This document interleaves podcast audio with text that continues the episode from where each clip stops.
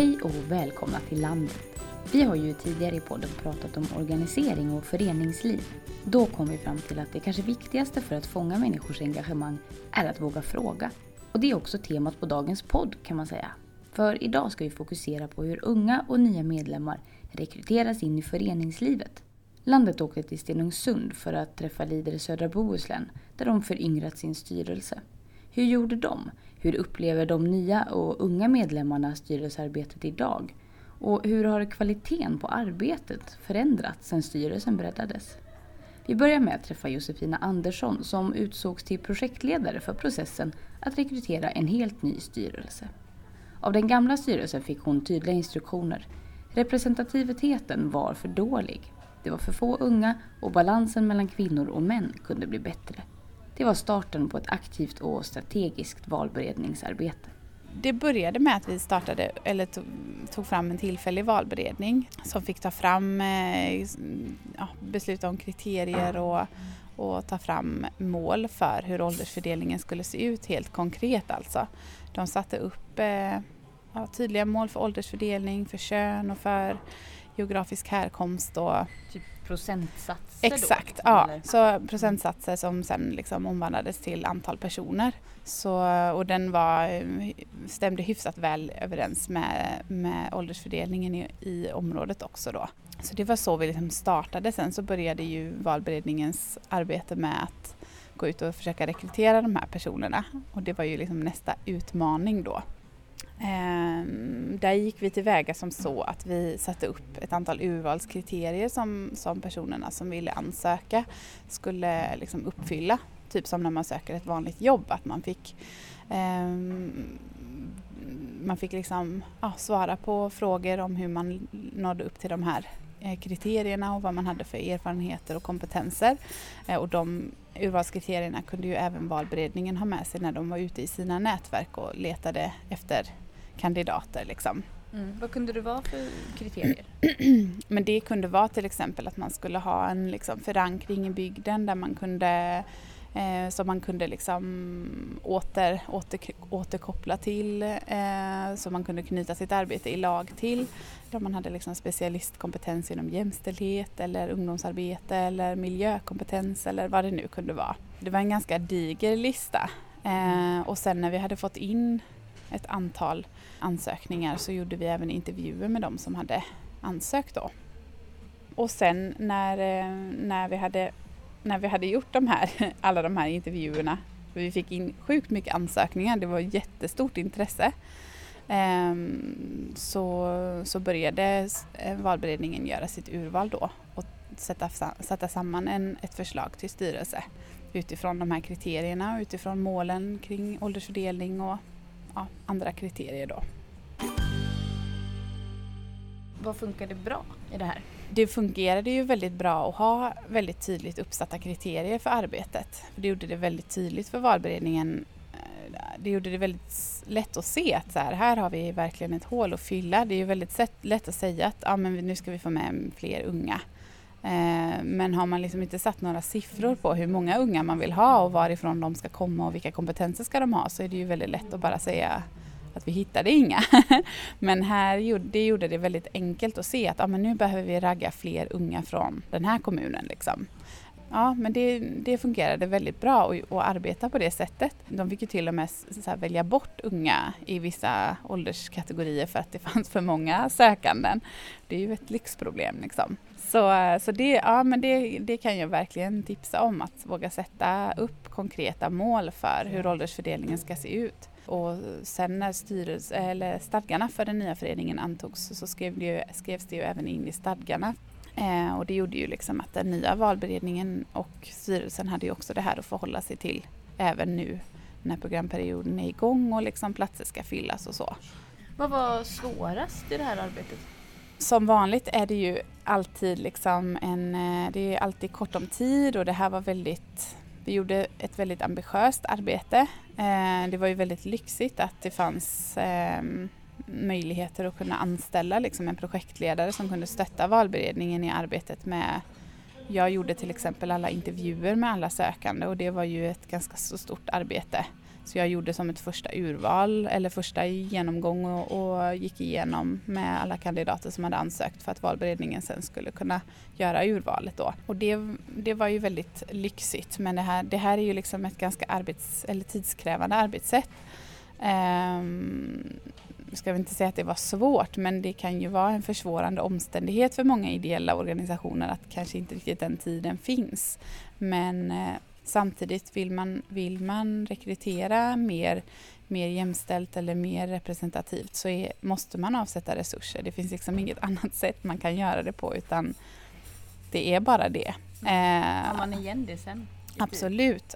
Ja, det tror jag verkligen för att det är mycket lättare att rekrytera om vi tar unga som exempel igen då så, så är det ju mycket lättare eh, kanske att få med fler unga om man ser att det redan finns fem personer under 30 i den här styrelsen. Eh, och de har ju också i sina, sin tur nätverk där de kan tipsa och, och ragga fatt på folk som skulle vara intresserade. Så jag tror absolut att man har igen det om man gör ett grundligt arbete från början. Mm. I den här processen så hade de ju också dig som projektledare. Mm. Mm. Det kanske man inte alltid har. Nej. Eh, vad skulle du vilja säga då liksom? Om, jag sitter i en styrelse och känner att ja, men vi skulle behöva bredda lite mm. men vi har inte resurser eller möjlighet Nej. att ta in en projektledare. Nej. Vad, vad gör vi då? eh, men det kanske finns någon i styrelsen som är extra intresserad av de här frågorna och kan lägga lite extra tid, kanske få lite arvodering för att ta fram en bra modell eller ta fram ett bra, ett bra upplägg med kriterier och sådär. Eh, och sen, men sen så tror jag verkligen att man måste uppvärdera valberedningens roll. Att deras roll är superviktig. Den har eh, inte så hög status? Nej, den har inte det och det är oftast bara någon som blir satt på den posten typ dagen innan ett årsmöte.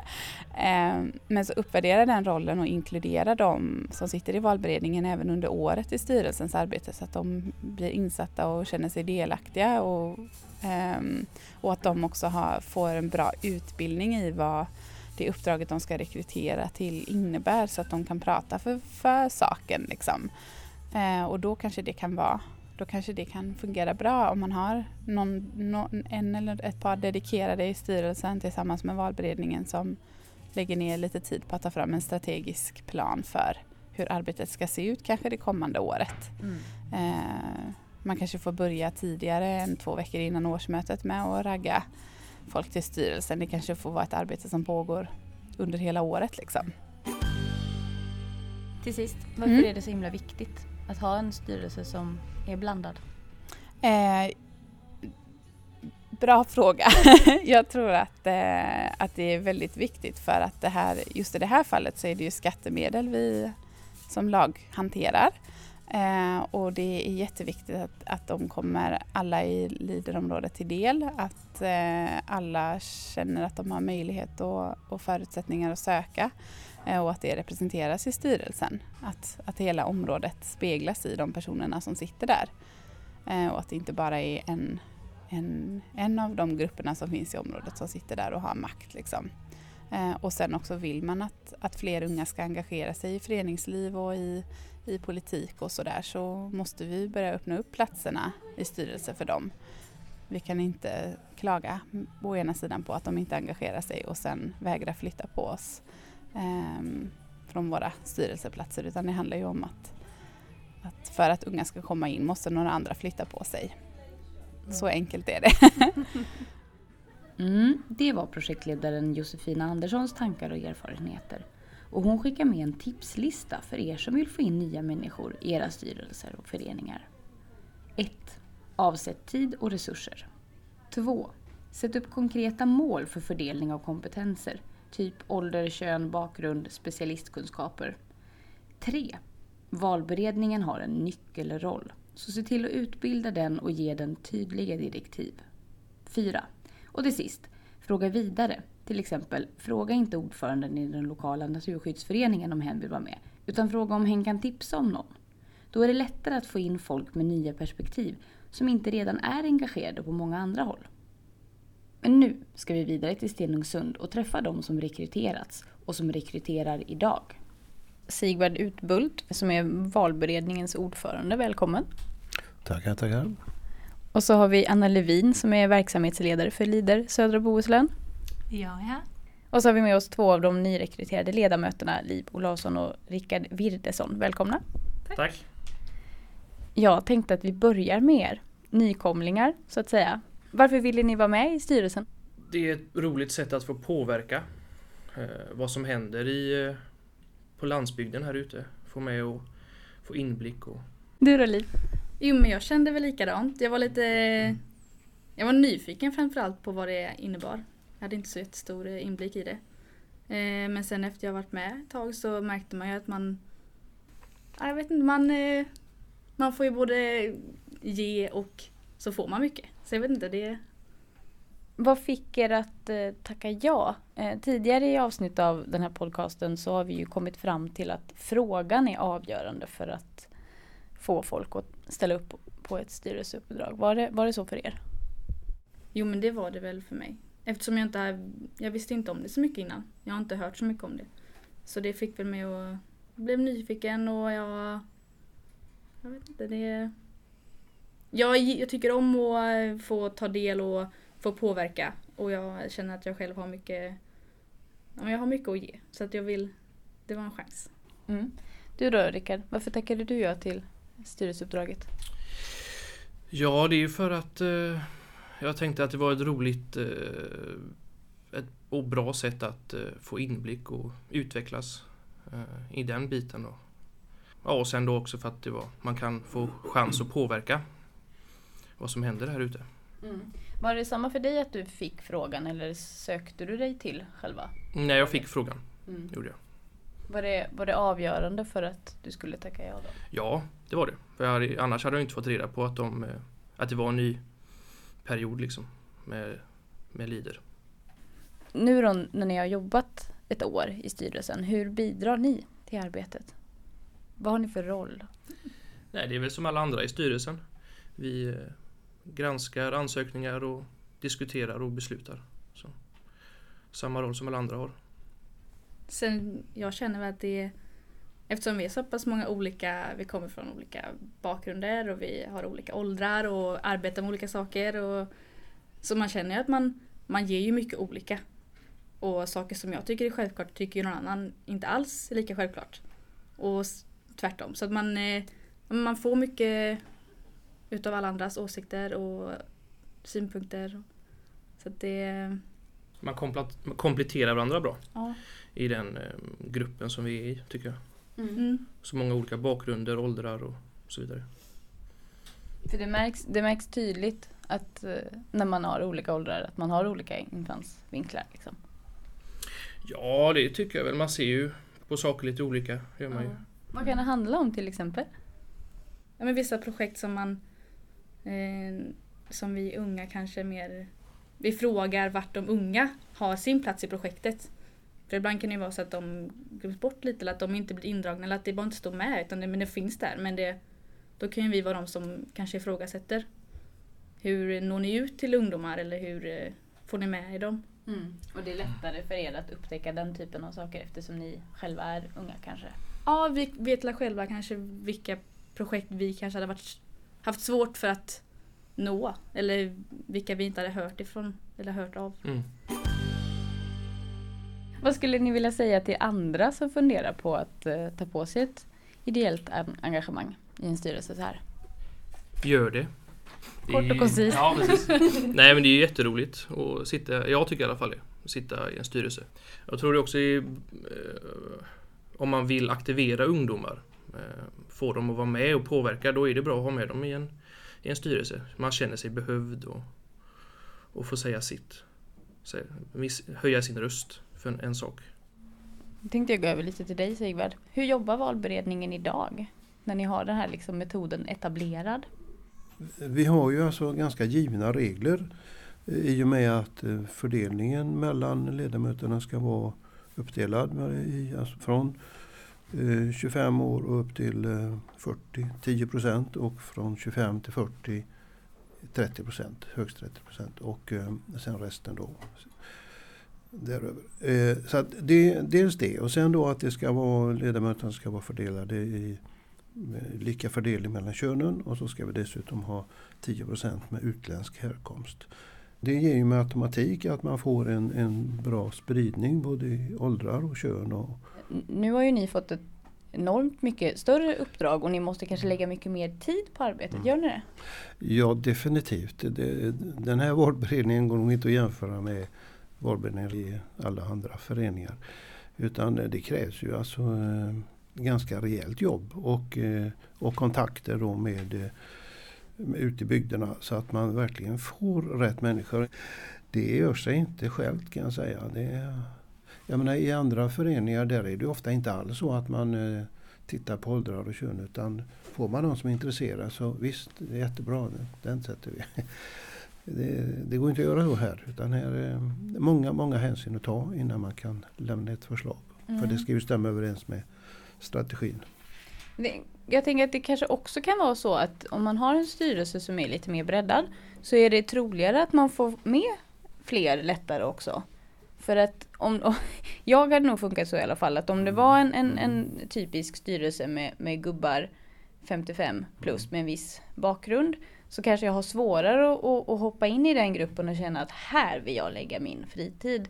Att det faktiskt på sikt blir lättare att få folk att tacka ja eh, mm. när det är blandat. Jo, det stämmer säkert. Eh, och det kan jag nog eh, se när man tittar tillbaka också. Eh, när det gäller att intressera. Eh, när man presenterar den här, den här lagen, styrelsen för någon som vill ha med och de ser vilken vilken bredd det är med både kompetenser och åldrar och så vidare. Så visst, det, det måste ju vara positivt och se intressant ut. Nu sitter ju ni redan i styrelsen men tror ni att det kan påverka eh, viljan att tacka ja till ett uppdrag? Förutom att man får frågan hur den där styrelsen ser ut som man ska sitta med i? Ja, ja. det tror jag.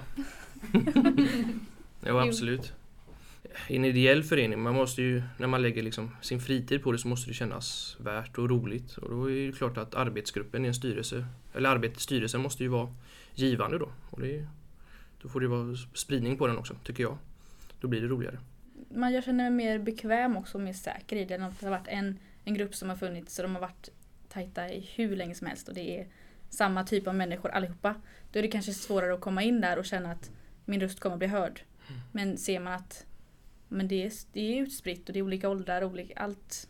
Och många nya också så då, då känner man lite mer, mer trygghet i, det, tror jag. Varför är det så viktigt att bredda styrelse? Ja, det måste ju vara för att få så bra beslut som möjligt. Eh, att få äh, saker och ting belysta. För klart sitter man i en styrelse där det är som du säger eh, gubbar 55 plus.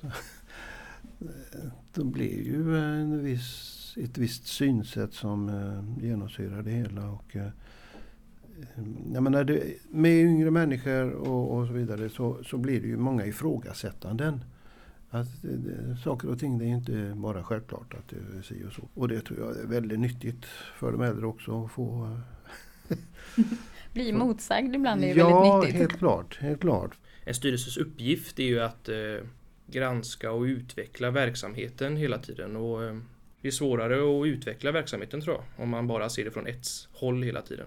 Det är klart det blir mycket enklare om alla redan från början har olika synvinklar och olika bakgrunder.